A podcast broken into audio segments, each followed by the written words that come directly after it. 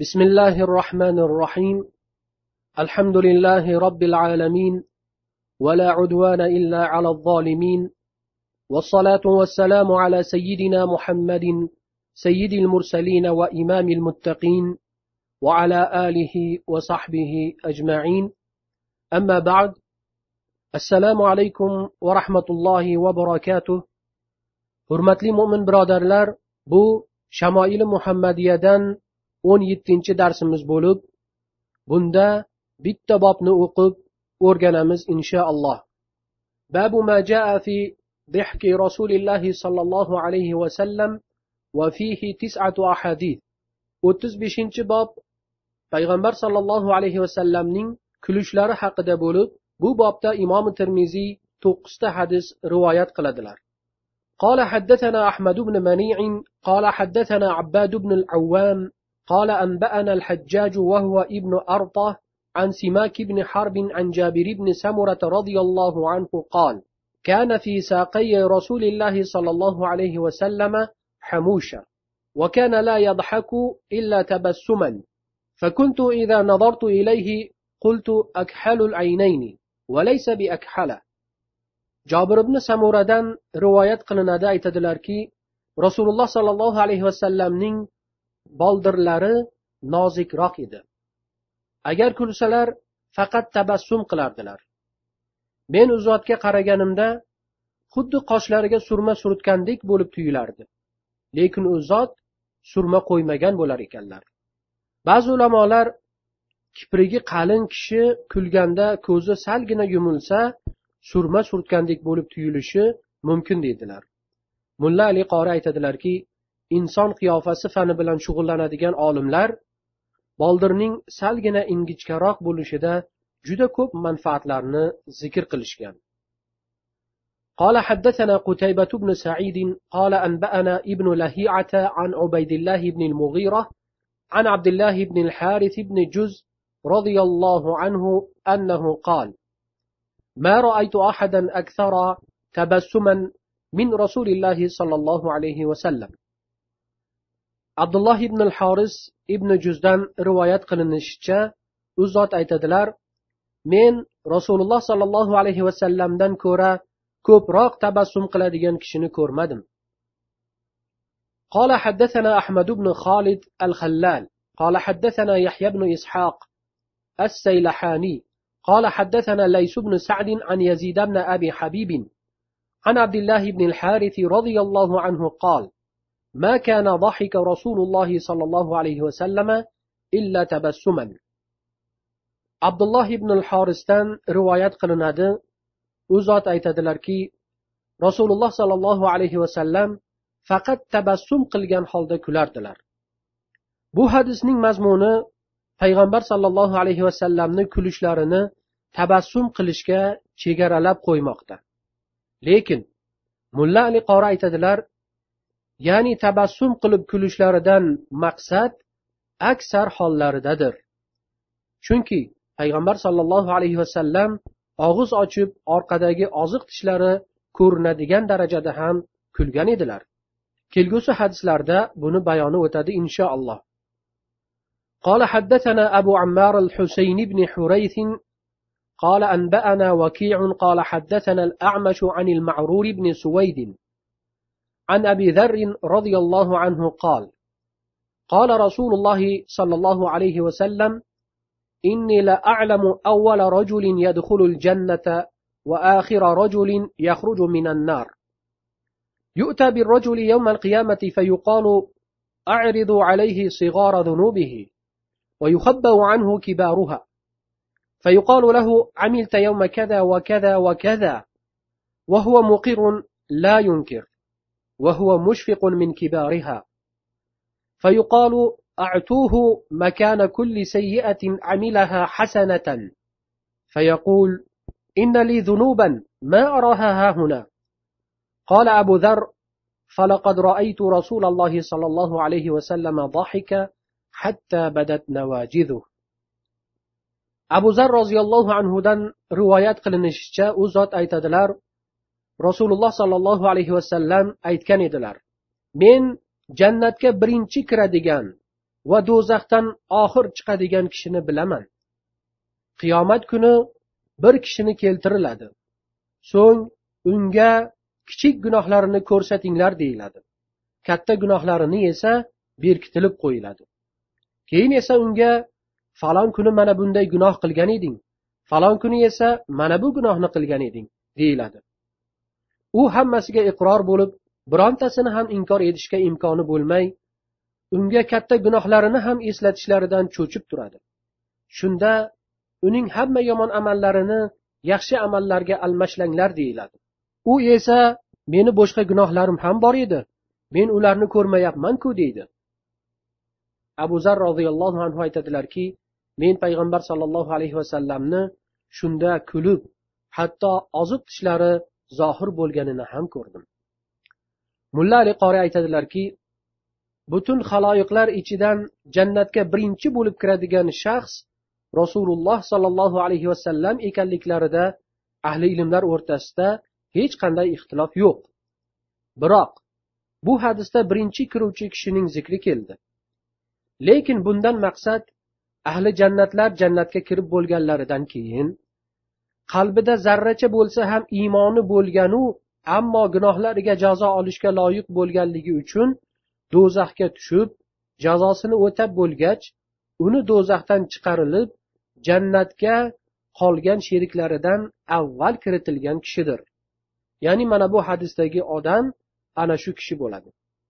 Mulla ali qoriy so'zlarini davom ettirib aytadilarki hadisda bu shaxsni katta gunohlarimni ko'rmayapman deyishidan maqsad kichik gunohlarini yaxshi amallarga almashlab berilgani uchun kattalarini ham yaxshi amalga almashtirilishini umid qilib qoladi payg'ambar sollallohu alayhi vasallam ham insonni mana shunday ta'magir ekanligiga taajjublanib kuladilar قال حدثنا أحمد بن منيع قال حدثنا معاوية بن عمرو قال حدثنا زائدة عن بيان عن قيس بن أبي حازم عن جرير بن عبد الله رضي الله عنه قال ما حجبني رسول الله صلى الله عليه وسلم منذ أسلمت ولا رآني إلا ضحك jarir ibn abdullohdan rivoyat qilinadi aytadilarki rasululloh sollallohu alayhi vasallam meni islomga kirganimdan beri huzurlarga kirishdan man qilmaganlar va qachoniki menga yo'liqsalar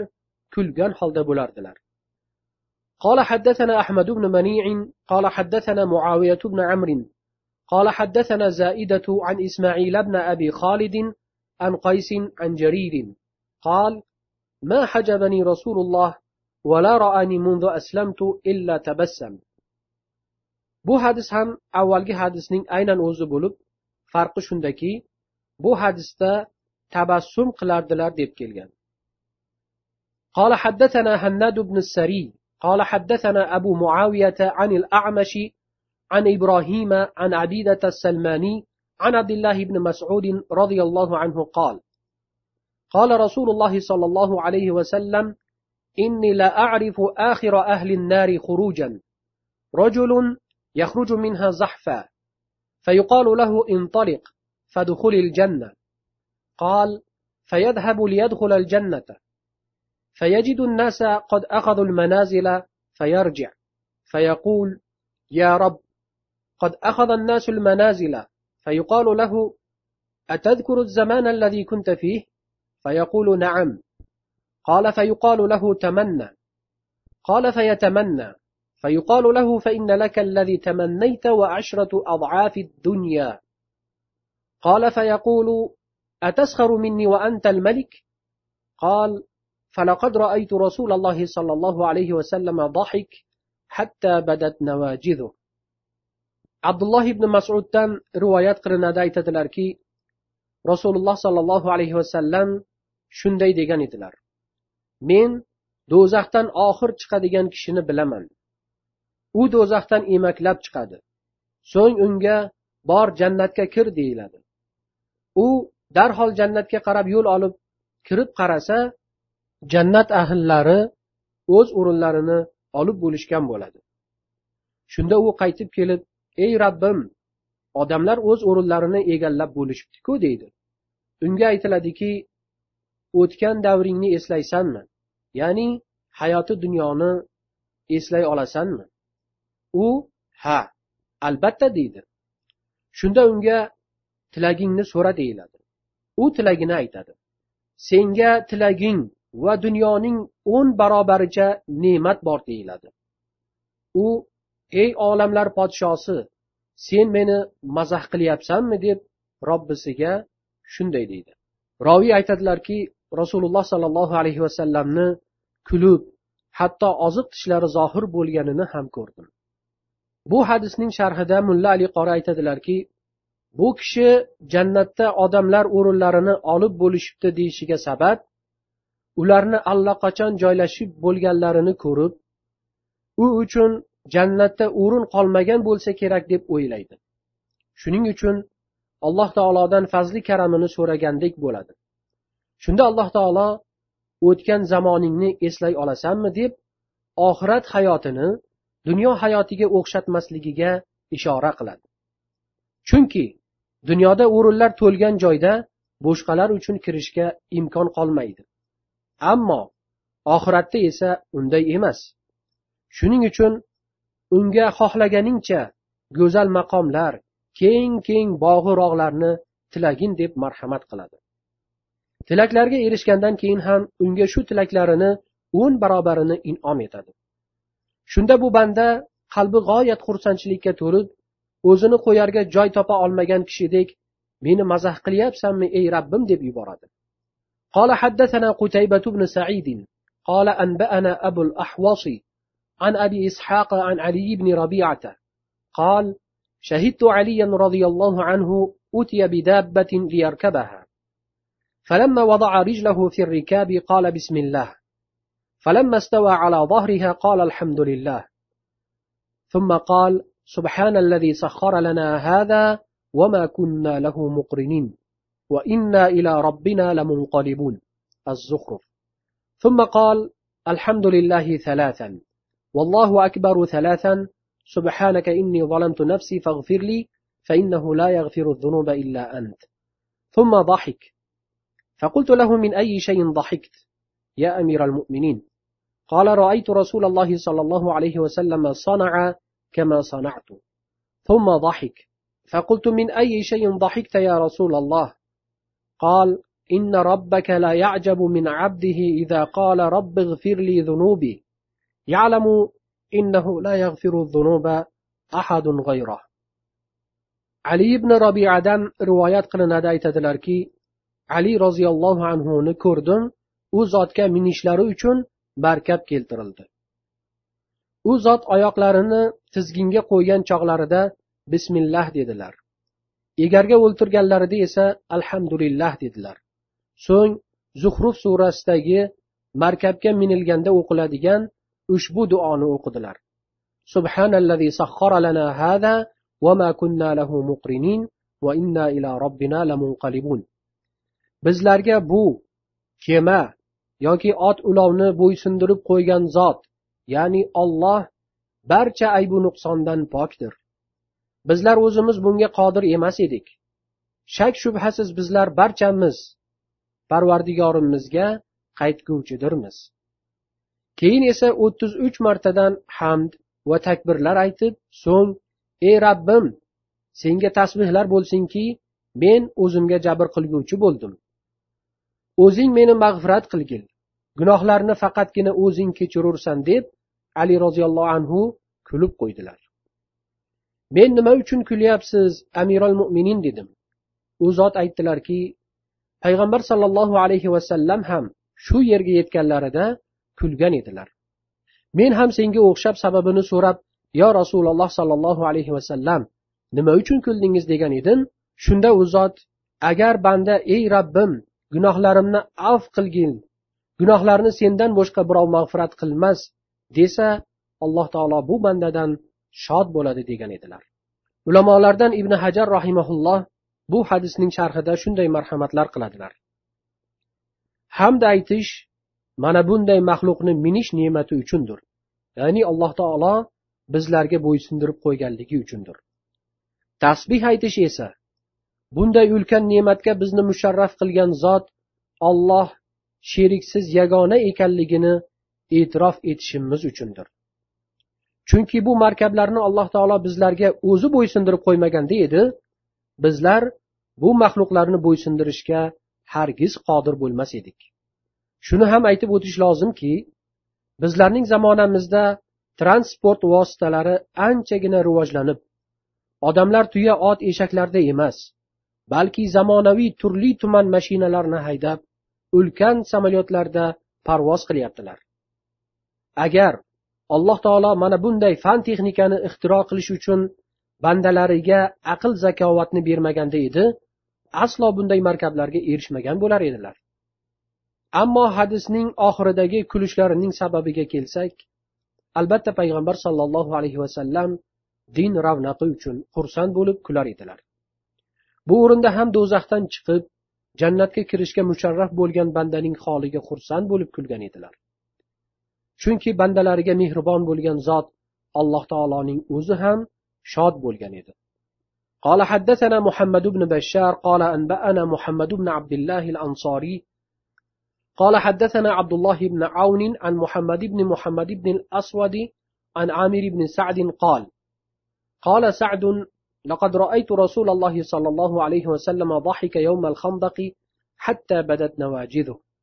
قلت كيف كان ضحكه قال كان رجل معه ترس وكان سعد راميا وكان الرجل يقول كذا وكذا بالترس يغطي جبهته.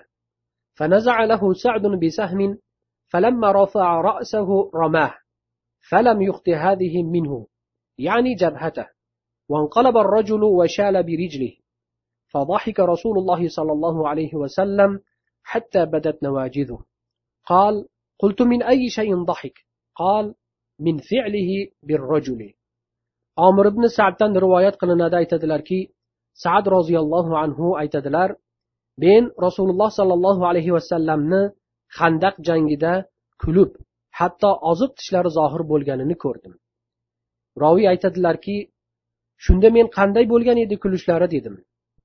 U zot aytdilarki bir qalqonli kishi qalqoni bilan yuzini to'sib falon falon so'zlarni gapirdi. Saat mohir mergan edilar. Bir o'qni tayyorlab turdilar. Haligi odam boshini qalqondan chiqargan edi sad bir o'q uzdilar. O'q uning peshonasiga tegib orqachalab yiqilib tushdida ikki oyog'i ham ko'tarilib avrati ochilib qoldi. Shunda rasululloh sollallohu alayhi vasallam chunonam kuldilarki hatto oziq tishlarigacha ko'rinib ketdi. Roviylardan biri aytadilarki men nima uchun kuldilar? dedim. Omir haligi odamga berilgan ta'zirdanda dedilar. Albatta payg'ambar alayhissalom sahobalar bilan uchrashganda ochiq chehrada bo'lib dunyo podsholarining jafokash badfe'l sifatlaridan juda yiroqda edilar. Shuning uchun yori do'stlarga tabassum bilan iltifot qilardilar.